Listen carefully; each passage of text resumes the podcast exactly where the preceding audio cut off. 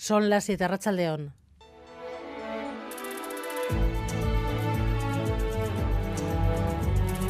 Gambara con Arancha García. El secretario general de Naciones Unidas se ha plantado hoy en la frontera entre Egipto y Gaza para pedir que se agilice el paso de la ayuda humanitaria. Ayer se dijo que se autorizaría hoy, hoy se dice que posiblemente mañana. El caso es que la población civil sigue a la espera de esa ayuda para poder sobrevivir. Los bombardeos no se detienen, ya hay 3.700 muertos, al menos 1.500 son niños.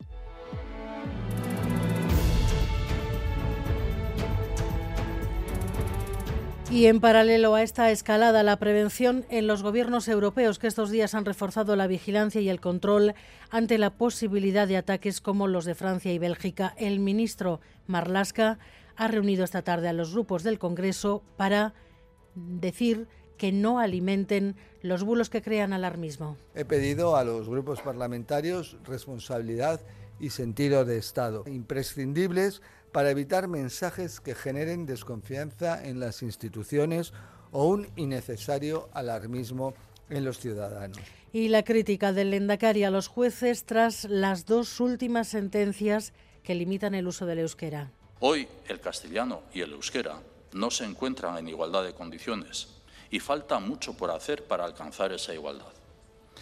En el caso del ámbito judicial, además, no solo falta mucho para llegar a la igualdad, falta también mucha sensibilidad a la hora de abordar jurídicamente estas cuestiones. Y en una hora los vecinos de la localidad alavesa de Campezu están convocados a protestar, a condenar la agresión sexual a una niña de 11 años la semana pasada. Estamos además superando el primer temporal del otoño. Estamos todavía en aviso amarillo por impacto de en costa. David Veramendi se sigue notando ahí en Donostia, a León. Arracha León, muy buenas tardes a todos. Aún faltan dos horas para la pleamar, pero a esta hora aquí, cerca de la Sociedad Fotográfica, donde una valla impide el acceso al Paseo Nuevo, pues decenas y decenas de personas disfrutan móvil en mano del espectáculo de las olas. Algunas sobrepasan el muro, llegan hasta la calzada. Tres turistas ingleses no lo van a olvidar jamás, se han mojado por completo. Este el momento.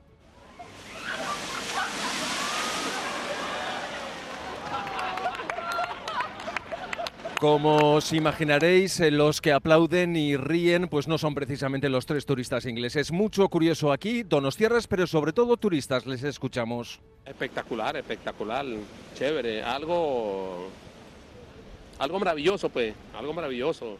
Allá en Venezuela también se ve, ¿no? Pero, oye, aquí es espectacular. No, venimos de Castellón, o sea que estamos aquí novedoso total. No tiene nada que ver con el Mediterráneo, nada, nada. En la boya de San Sebastián se ha medido una ola de 8,2 metros. Estamos en alerta naranja por grandes olas hasta las 12 de la noche. En Donostia, cerrados el Paseo Nuevo, también los accesos al Peine del Viento y Espigón del Cursal. Ricardo Ituarte, director de Atención de Emergencias y Meteorología, Rachaldeón. León. El viento ha marcado esta jornada, se ha notado especialmente en zonas expuestas. ¿Cuál ha sido el récord donde se han registrado las rachas más fuertes? Bueno, pues eh, la racha más fuerte del día se ha medido en Machichaco a las 15 horas con 140 kilómetros por hora. Bueno, ya a las 9.40 de la mañana en Punta Galea se habían registrado 106 kilómetros por hora, pero la más intensa en Machichaco, como decía, de 140 kilómetros por hora, que bueno, ya es un viento más que apreciable. Mm, el viento ha obligado, el viento y el oleaje ha obligado a cerrar, por ejemplo, en Donostia el Paseo Nuevo, también algunos parques en la capital guipuzcoana, en Gasteiz, la policía local, por ejemplo, ha emplazado a la ciudadanía a evitar en general los parques. ¿Cuáles han sido eh, las principales afecciones de, de este día, de este temporal hoy?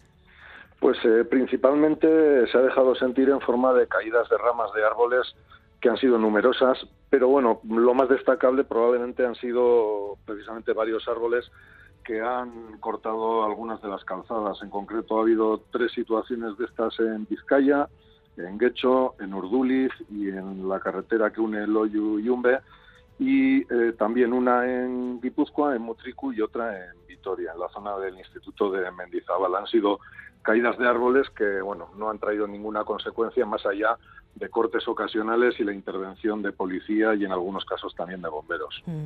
El aviso amarillo todavía se mantiene, en este caso en la costa, el oleaje sigue siendo muy fuerte y ese, esos ocho metros largos que se han eh, medido en la, en la boya de Donostia, ¿no?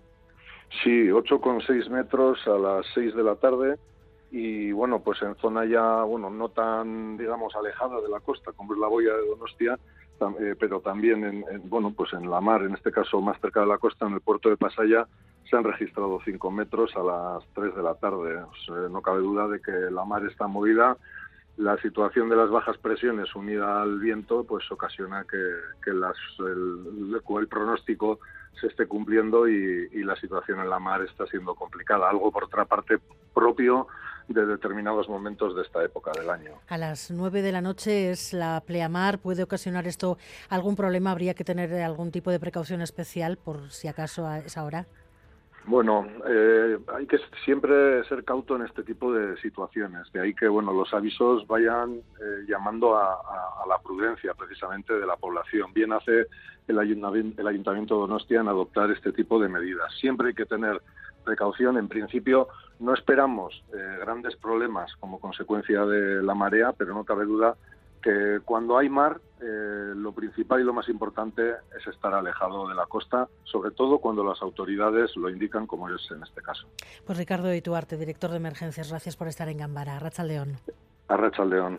Y vamos con los deportes. Edu García, ¿qué tal León? ¿Qué tal León? Con un par de noticias esta misma tarde. Por ejemplo, la, renovación de Unai Gómez con el Athletic. Se va a quedar el de Bermeo hasta 2028. Este año ha debutado con el primer equipo. A sus 20 años ha marcado ya un gol en primera división. Y con lo que está por llegar. En cuanto a la pelota, la liguilla de cuartos del 4 y medio, segunda jornada en el frontón deportivo de Bilbao. Van a jugar Escurdia y Pío Echeverría por un puesto en las semifinales. Y obviamente el partido del Sadar. Se abre la jornada 10 de liga en primera división a las 9 con el duelo entre Osasuna y Granada. Va a buscar el conjunto rojillo la primera victoria de la temporada en casa. Todavía no ha ganado y ya toca después de lo que se ha jugado hasta ahora. Además de lo deportivo, mm, vamos a estar atentos eh, a ese partido también por si pudiera haber algún tipo de problema con eso de la exhibición o no de banderas en los campos de fútbol. De entrada, eh, Sean Baseman, delantero israelí de la Granada, no ha venido a Pamplona, no ha llegado al, Sadar, eh, en un acuerdo alcanzado con el propio club andaluz, eh, porque se posicionó claramente en redes sociales a, favor de los bombardeos de Israel a, a la franja de Gaza. Eso ha generado mucha polémica en esta última semana. Hoy no va a estar en el Sadar y obviamente sí se espera que puedan eh, aparecer banderas de, en apoyo a, Palestina. No es inhabitual que esto suceda en el estadio del Sadar, tampoco en otros escenarios eh, en, Euskadi. Lo vimos la pasada semana, por ejemplo, el fin de semana en Ipurúa. Veremos lo que sucede esta noche. Es una buena, un buen termómetro para saber qué puede pasar también durante el resto de la jornada. Sí va a haber más eh, presencia policial de lo habitual para intentar que si se acerca alguien con alguna bandera no la meta dentro del estadio, no la introduzca dentro del estadio en todo caso, habrá que esperar a eso de las nueve para saber si hay o no algún tipo de incidente, que esperemos que no, y todo se quede en el apoyo de Osasuna para buscar la victoria entre el conjunto. Bueno, pues habrá que ver efectivamente si hay controles para evitar que algunas banderas puedan exhibirse en los estadios de fútbol. Nosotros en Radio Euskadi hemos hablado con un abogado en Derecho Deportivo, David Salinas, y él nos decía que para vulnerar derechos fundamentales como el de la libertad de expresión, tiene que estar todo muy justificado. Sí es cierto que si se motiva adecuadamente por el Departamento de Seguridad, por la chancha, que en un momento puntual no deben de exhibirse esas banderas cuando puede producirse un enfrentamiento, pues puede prohibirse puntualmente. Pero insisto, se tiene que motivar de una forma concreta en un problema de, de orden público. Tiene que ser muy claramente motivado. Y nuestra contra hoy para uno de los nuestros, Ederne Frontela.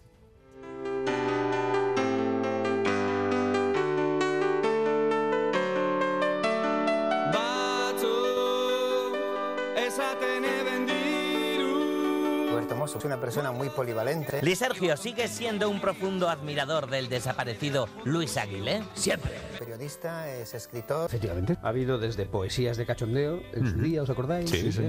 ¿Qué otras cosas he hecho? Hasta relatos liofilizados. Hasta relatos liofilizados. Es también comentarista en, en, la radio. Nos acercamos al teatro en el momento en que estaban montando todos los bártulos para comenzar la representación. Es compañero nuestro en Radio Euskadi. Pues vamos a aplicar este realismo tuyo a, a Santurce. Sí, vamos, que una cosa es lo que se dice de puertas adentro y otra de puertas afuera, de siempre, ¿no? No, realmente, no, si, si, si, no eres de Santurce, no, no, me hace la pena que vengas, ¿eh? Muchísimas cosas, ¿no? No sé cómo, cómo sacas tiempo para tantas. Bueno, pues ocupando la práctica totalidad de las horas del día.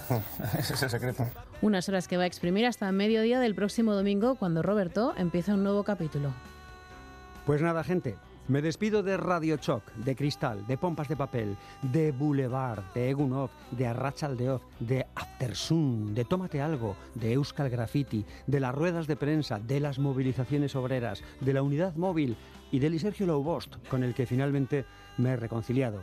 Ha sido un placer, con idas y venidas, subidas y bajadas, compas inolvidables. Eskerrik asko entzutearren eta beti arte. Placer ikaragarri bat izan da. Agur.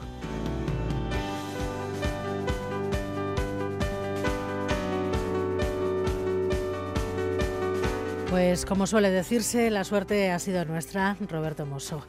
Miguel Ortiz y Javier Martín están en la dirección técnica, Cristina Vázquez en la producción.